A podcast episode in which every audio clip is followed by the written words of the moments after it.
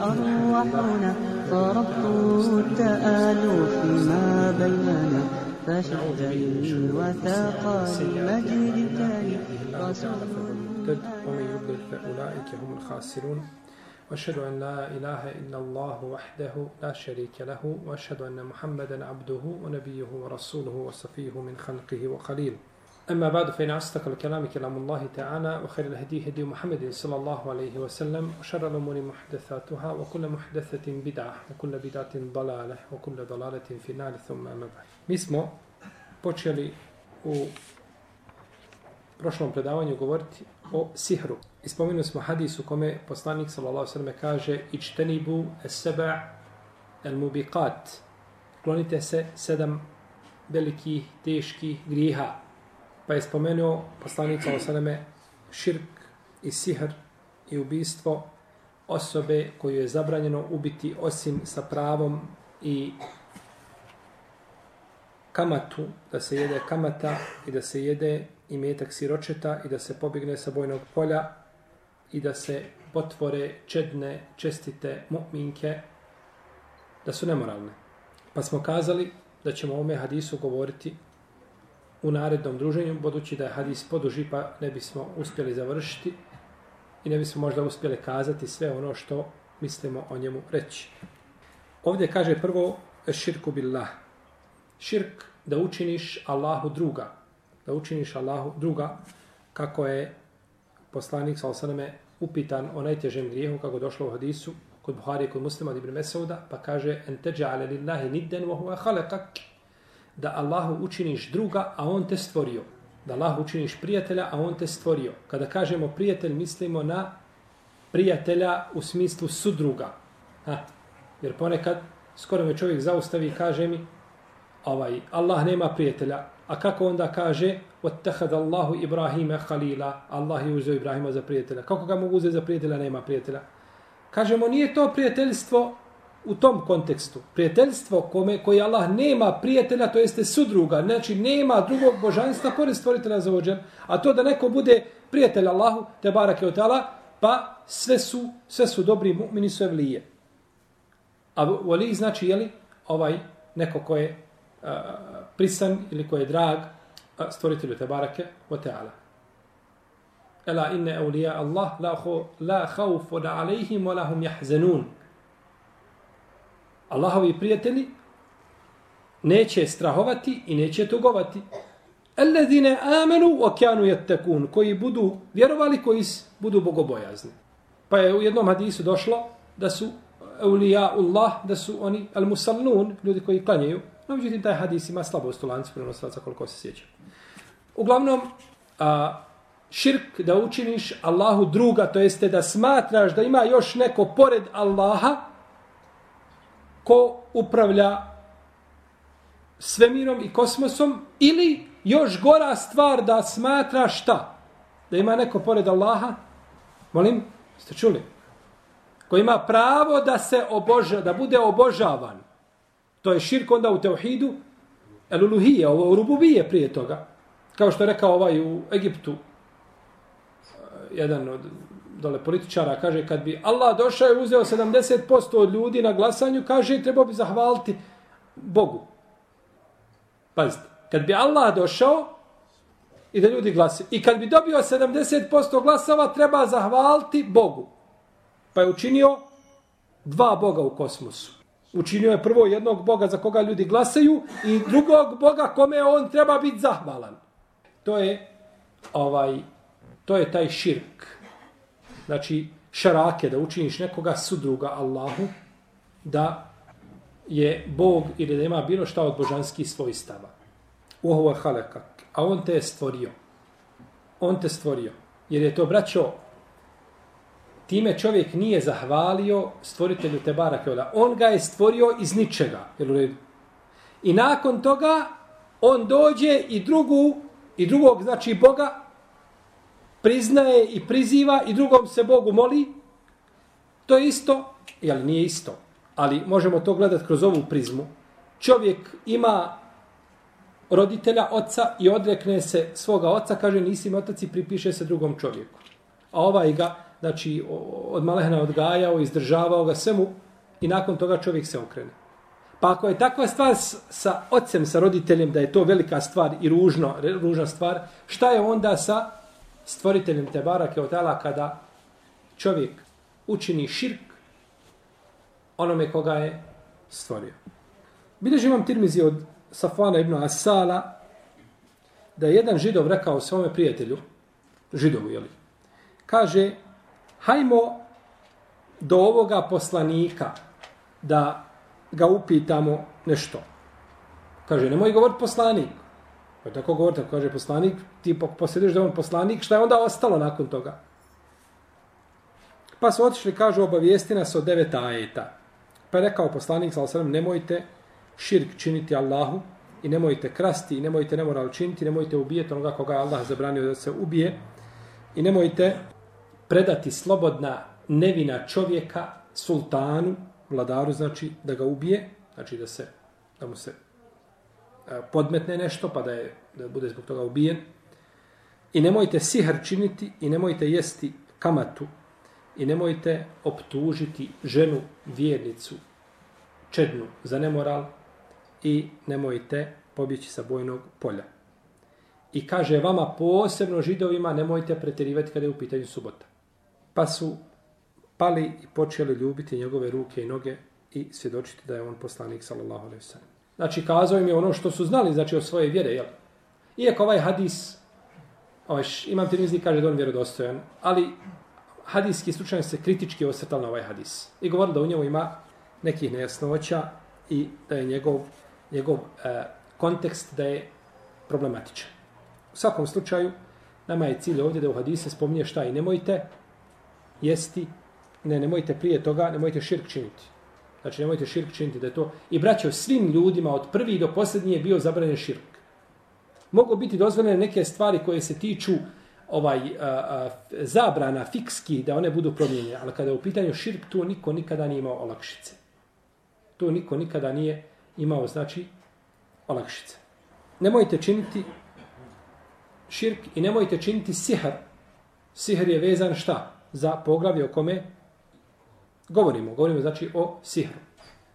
Pa je sihr isto tako bio zabranjen i pogrdan u svim, znači u svim vjerama. I nemojte ubiti osobu koju je zabranjeno ubiti.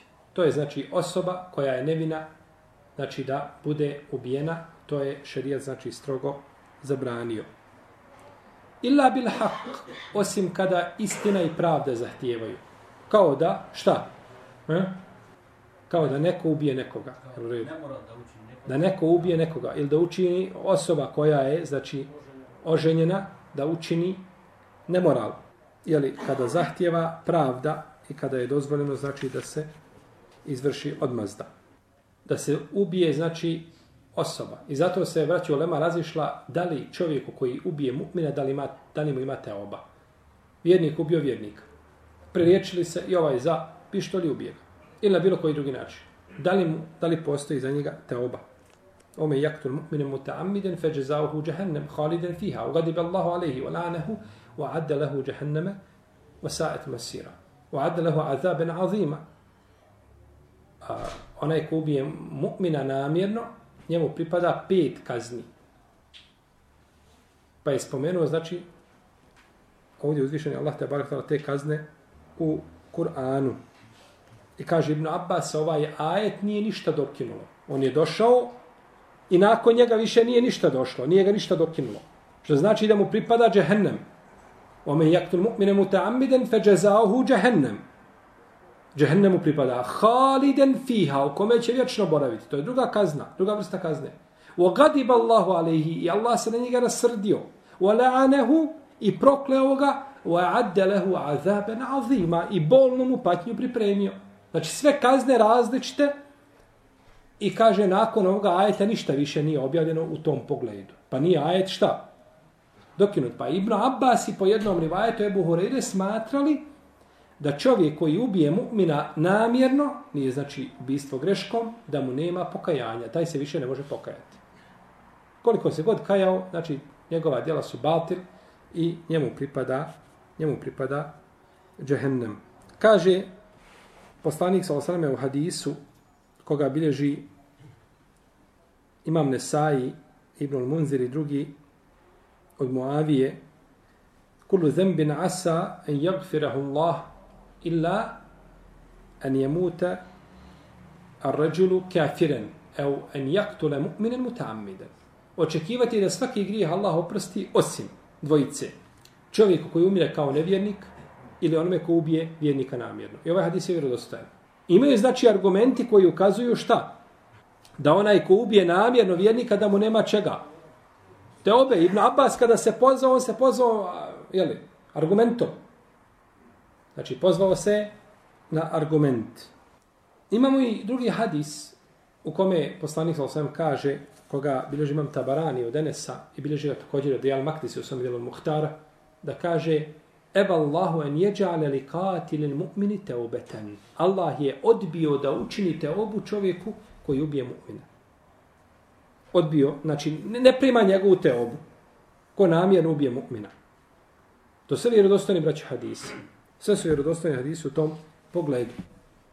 Navod, čak imate hadise koji su, kaže, došao u hadisu, koga bilježe Budavud od Dibno Omara, kaže poslanik sallallahu alejhi ve selleme men qale fi mu'minin ma laysa fihi askanahu Allahu radgata al-khabal hatta yakhruja min makan. Ko kaže o mu'minu ono što nije pri njemu Allah će ga nastaniti u radgatul khabal a radgatul khabal je uh, to su iscici oni što idu od iz tijela stanovnika džehennema. Znači krv i gnjoj i znoj i više nema čega nema, tu će ga nastanti dok se neko tariše toga. A samo kaže šta o mu'minu ono što nije pri njemu. Šta misli za koga kad ga ubije? Pa su na osnovu tih argumenta, znači, kazali, jedan manjinski dio uleme kažu da nema pokajanja. Dok džumhur uleme kažu ne, čovjek je ako ubije vjernika namjerno, ima pokajanje ima znači pokajanje i može se pokajati. Illa men tabe wa amene wa amile amelen salihan. Osim oni koji se pokaju i budu vjerovali, ponovo vjeruju nakon što su uznevjerovali, pa ako Allah oprašta širk i kufr, onda će oprostiti šta i ubijstvo, a to je manje od širka, jer je širk najveći grije. Pa ako će oprostiti širk, kaže onda će oprostiti i, i ubijstvo. No međutim imamo od Ibnu Abbasa, imamo od Ibnu Omara isto tako rivajete koji kažu da će Allah primiti te obu onoga ko ubije vjernika namjerno. Imamo znači, šta imamo? Dva različita rivajeta. Braćo, kada dođu dva različita rivajeta od jednog te istog ashaba. Pazite. Imamo jedan ashab, na primjer, Muaz ibn Džebel kaže po određenom stvar, po određenom pitanju dozvoljeno. Imamo drugi rivajet da kaže da je šta? Zabranjeno ti se rivajeti ne mogu koristiti. Ni jedan ni drugi. Osim ako je jedan sahih, a drugi šta? Daif, to je drugo. Ali oba dva da su došla, prenose se kao rivajeti, imamo mišljenja dva, ne možemo ni jedno koristiti, ne možemo ni jednim dokazivati, jer ne znamo koje je prvo, koje je posljednje, u stvari ne znamo koje je ispravno od njega. Tako da ovdje u slučaju od Ibnu Abasa pada šta? Ili da dođe rivajet u kome jedan ashab kaže suprotno svim drugim ashabima. Kao što se prenosi od Ibnu Abasa da je dozvolio mutabrak. Danas me čovjek posle džume pita, kaže, je li tačno da Ibn Abbas dozvolio mutabrak? Jeste, tačno, dozvolio Ibn Abbas mutabrak. To je od njega došlo da je dozvolio. Zato što Ibn Abbas do njega nije došla zabrana. Nije došao dok, dokidanje tog propisa, nije stiglo do Ibn Abbas. Tek nakon toga, znači, kada su hadisi sabrani, kada su... Tek tada se je moglo puno više, znači, imati uvida, nego to Asab je znao ono što je čuo od poslanika sa ili eventualno od drugih. A do Ibn Abasa nije došla, došao taj propis, pa je on u tom kontekstu opravdan. Imamo hadis, jedan koji rješava ovaj problem. Kako to da ima pokajanja? Kaže se ovdje, džezauhu džahennem, fe džezauhu džahennem. Njemu je nagrada, šta? Džahennem, ko ubije mu'mina namjerno. Kaže poslanik sa hadisu, nagrada mu je džahennem, ako ga Allah bude nagradio. To jest, ako ga bude šta? Kaznio. Znači, na, kazna mu je džehennem ako ga bude kaznio. Što znači da postoji mogućnost da ga šta? Da ga neće kazniti, da mu oprosti. Znači, postoji mogućnost. No, međutim, ovaj hadis je daiv. Hadis nije šta? Hadis nije vjerodostojan. hadis nije vjerodostojan. Možete rekao, dobro, što onda spominjemo? Što spominjemo daiv hadisa? Znači, pa, hadis spominjemo, to je sve, to je sve ilm, to je sve znanje. Ulema je dokazivala tim hadisom. Ti ćeš sutra doći da ti neko dokaže se da je hadisom. Čovjek razveo ženu i kaže, slušaj me, poslanik, sa osvrame kaže, najmrži, halal, Allahu je razvod braka. Ti kažeš, subhanallah, pa ja sam učinio nešto što je Allahu mrsko. Ja, jeli? A u stvari hadis mursel, daif, nije hadis vjerodostojan. Pa kada poznaješ ono što je slabo, nećeš upasti znači u šerijatsku prepreku, nećeš sa njim dokazivati, nećeš se ostaviti na takav, znači, nećeš se ostaviti znači, na takav, jel, rivajet. I kaže poslanik, sallallahu alejhi u hadisu Amra ibn al-Hamika al-Huzaija, koga bilježi imam Buhari u svojoj povijesti. Men qatala men amana rajulan ala damihi fa qatalahu fa ana bari'un min al-qatil wa in kana al-maqtul kafira. Ko kaže čovjeku dadne sigurnost na njegov na njegov život, pa ga ubije, ja mu kaže a ko, ko dadne sigurnost na život, pa ga ubije, ja se kaže odričem ubice taman ubijeni bio nevjernik. Šta taman ubijeni bio nevjernik. Pa je ta sigurnost, to ispunjavanje, jedne prilike su, ovaj, muslimani su bili u jednoj bitci, opkolili jedan veliki grad, znači tvrđavu, opkole, pa drže opkoljenu, ne znam, mjesec, dva, tri, muslimanima dolazi jelo, pića, tako, ovi ne mogu nikuda šta?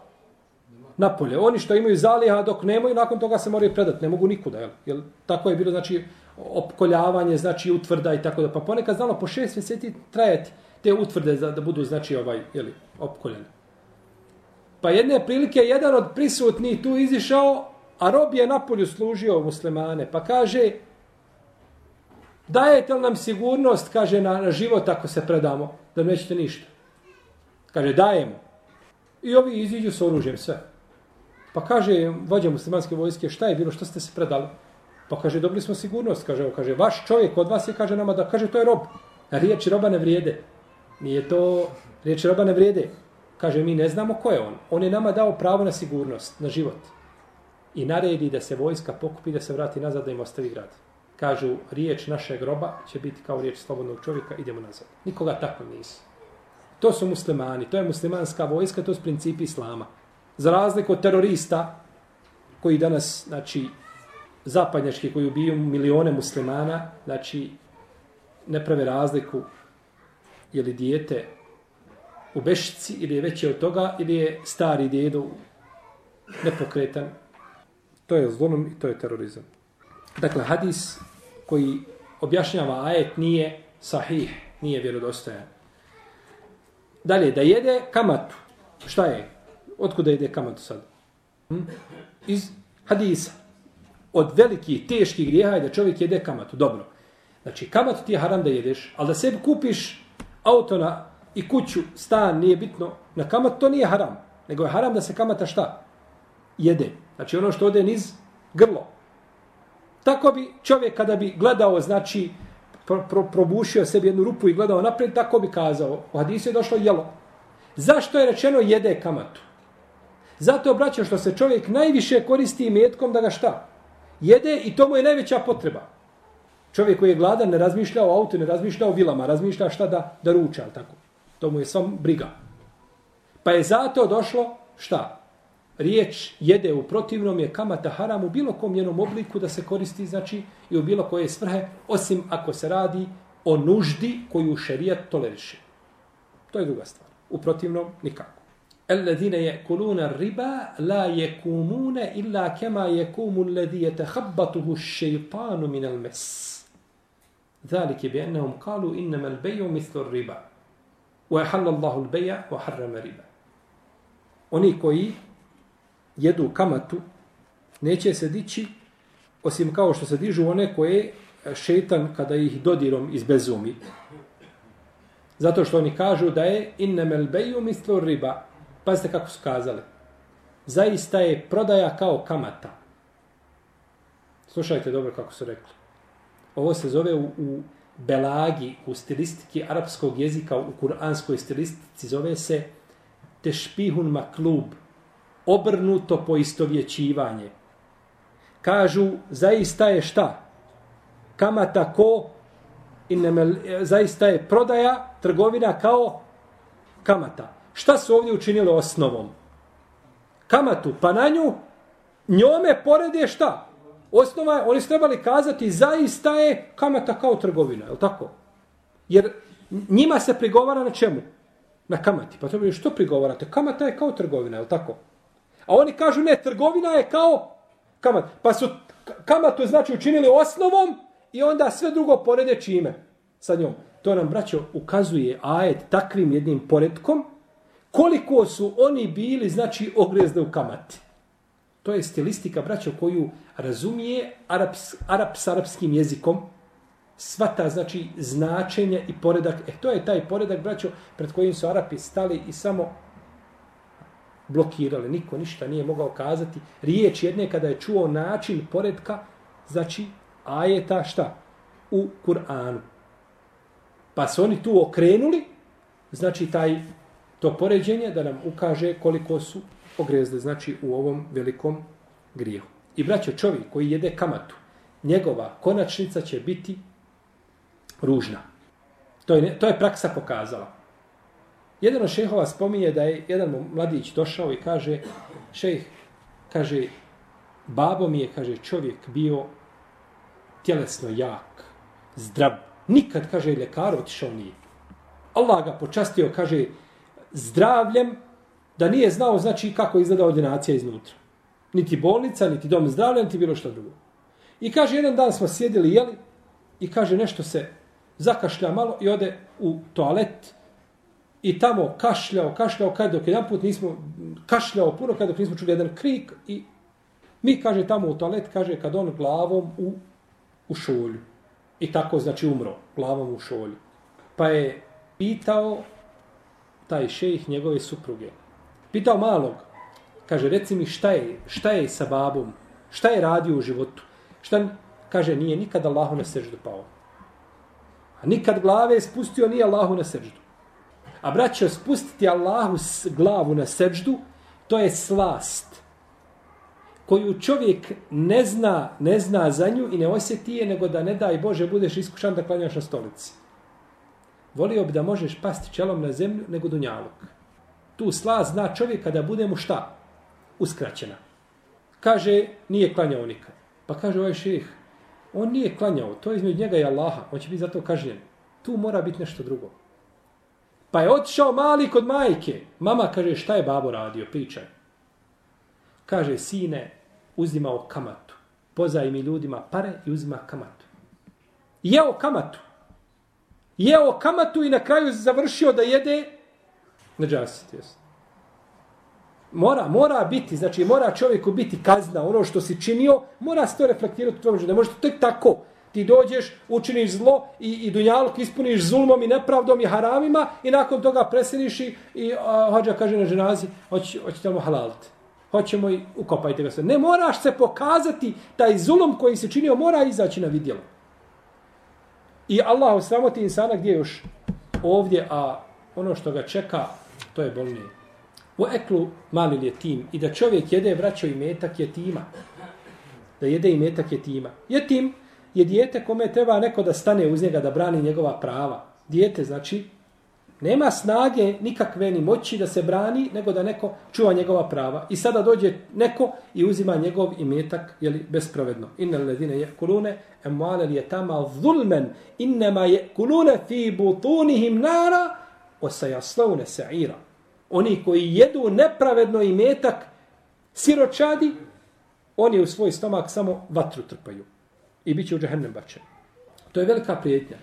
I čovjek da pobjegne na dan borbe, na dan bitke, znači kada je bitka da pobjegne sa bojnog polja, osim da je to neka taktika povlačenja, pa ponovo napadi i tako dalje, ili da želi da se priključi drugoj skupini.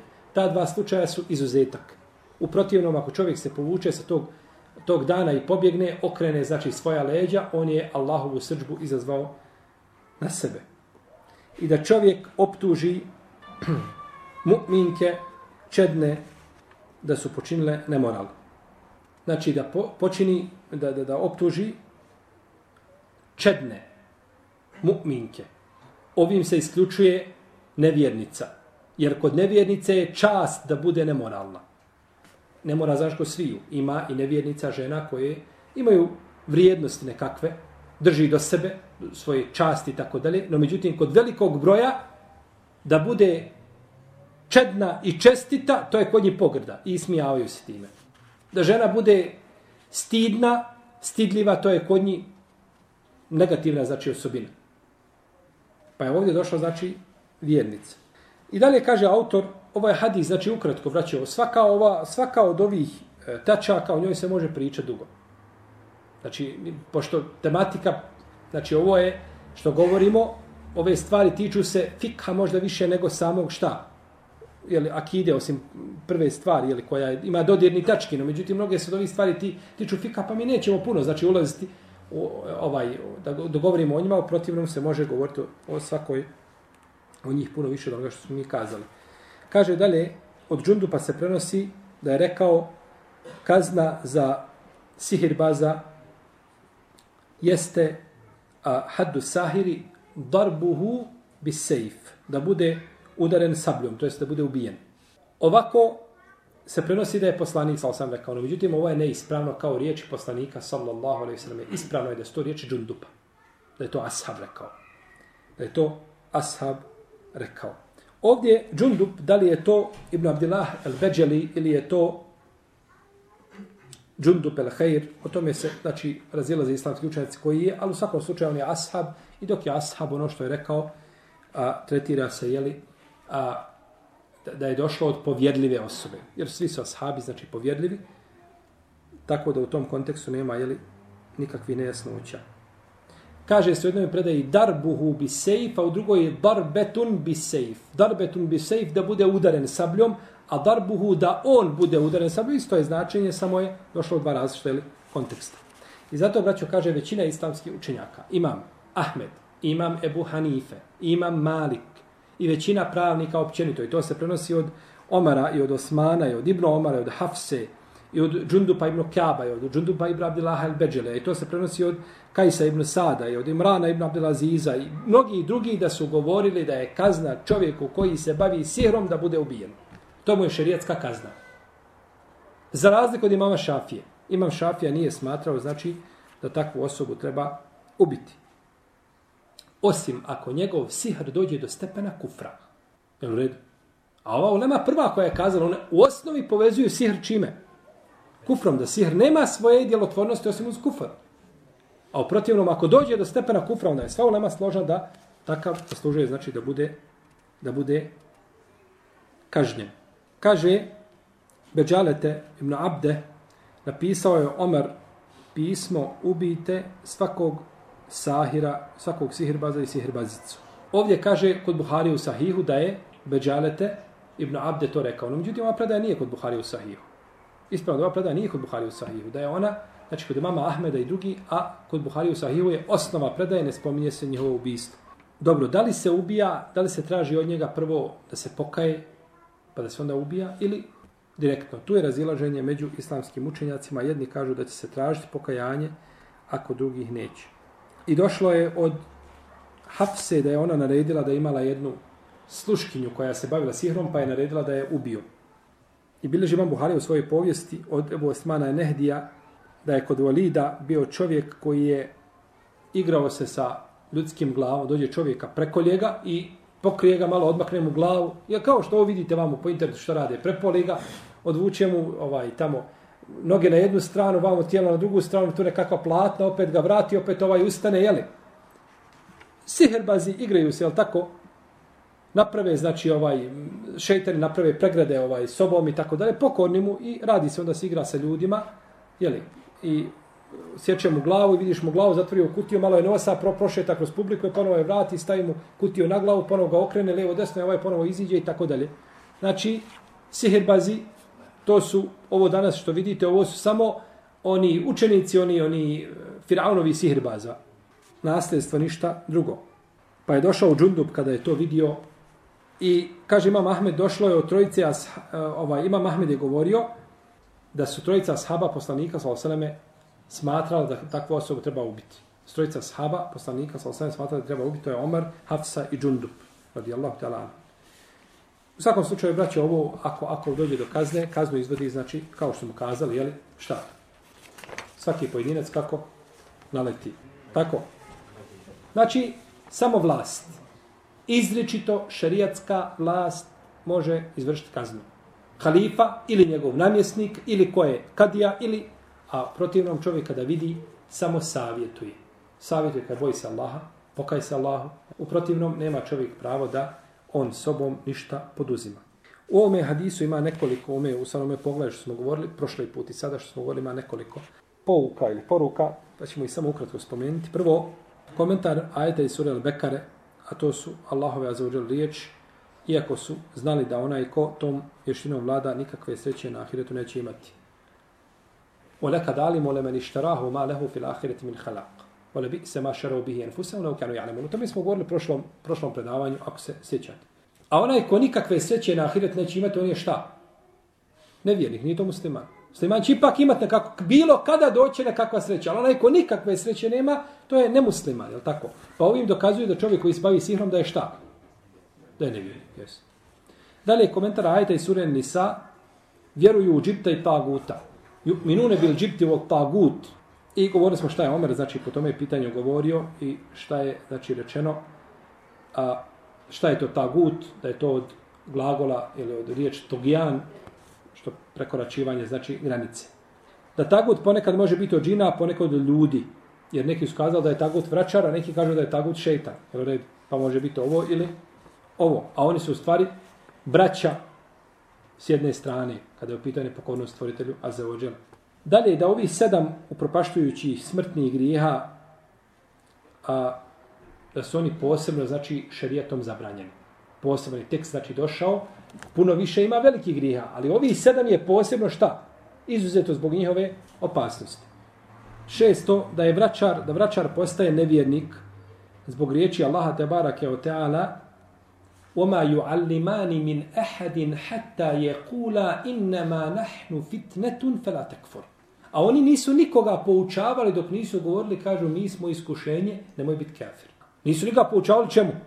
Sihru, a da ne kažu, mi smo iskušenje, pa ti nemoj upasti u šta? U kufur. Znači, to je šta? To je nevjerstvo. I braće, ovo, kada bih htio neki sahir da bude onako otvoren, da sjedne i da kaže šta mora raditi, zaista čovjek onda vidio znači kako se to djela. I zašto nema sudila? Jer ne može, znači šeitan neće mu biti pokoran osim da uradi najgnusnije činove kufra. I što više u kufru bude ovaj, eh, jeli, više se u tom pogledu obrazuje i bude jeli, ovaj vješti u tom pogledu, znači od, od psovki, od ne znam raznoraznih stvari. Dalje, sihirbaz biva ubijen i ne traži se od njega da se pokaje. Znači, pokajao se, ne pokajao se, to nema veze. To je po jednom, znači, mišljenju.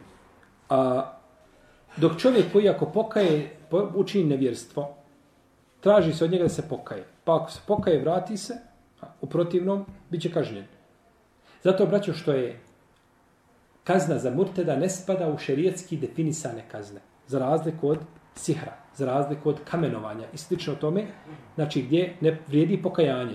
Čovjek učinio nemoral, koji je oženjen i pokajao se. Može li halifa mu oprostiti zato što se pokajao? Molim? Ne može. Ako šta? Kada mu može halifa oprostiti? Počinio nemoral, oženjen, kada će mu halifa oprostiti? Bravo. Ste čuli ovo? Ako bude, ako ne bude propis dignut do kadije. Ako dođe do kadije da je on počinio nemoral, gotovo je, nema više, ne, ne može se više pričati. No međutim, on učinio nemoral i pokajao se i vratio se neko nakon toga otkrije čovjek se pokajao zna za njegovu teu, vidje svojim putem, ne može mu se ništa više ovaj činiti, ne može biti kažnjen. Jel u redu?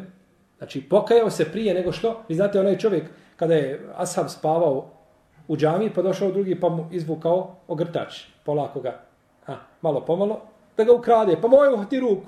I sa njim do poslanika, slavno sam. Pa poslanič kaže, pa naredi da mu ruku odsijeku.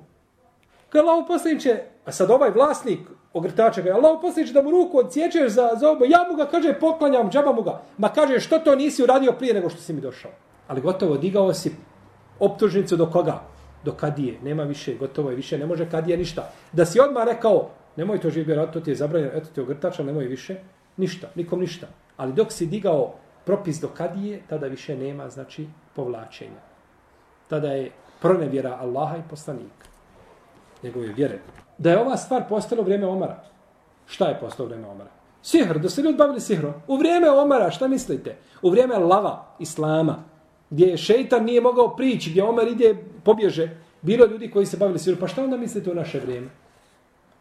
Gdje se ni ne udaju, ni ne razvode, niti problemi u porodicama, niti auto prodaje, niti ga uzima bez sihra i bez, i bez nekakvih podvala i Pa ako je ovakva situacija bila, onda sigurno da mi možemo očekivati, jer kako se god vrijeme udaljava od vremena poslanstva, da je situacija sve u tom pogledu je teža i može se znači očekivati a, širenje ove pojave i ona nestaje, braćo, nastaje kada nema oslonca na Allaha.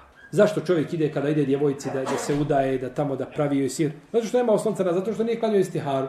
Možda je hajr da ti to ne bude žena. Je li tako? Da sklanjao istiharu Allahu i ne budeš kažeš, alhamdulillah što mi nije žena i Allah me riješio onoga što bi mi pravilo nezgode u životu. No međutim, ljudi idu, jeli, nemaju oslonca na Allaha te barake, od nema dovoljno, znači jekina i onda čini ono što je zabranjeno, jeli, šerijetski. Pa je sihr, bolest današnjice, možemo slobodno kazati, molim Allaha te barake, da nas sačuva iskušenja javnih i tajnih. Mi smo došli do narednog poglavlja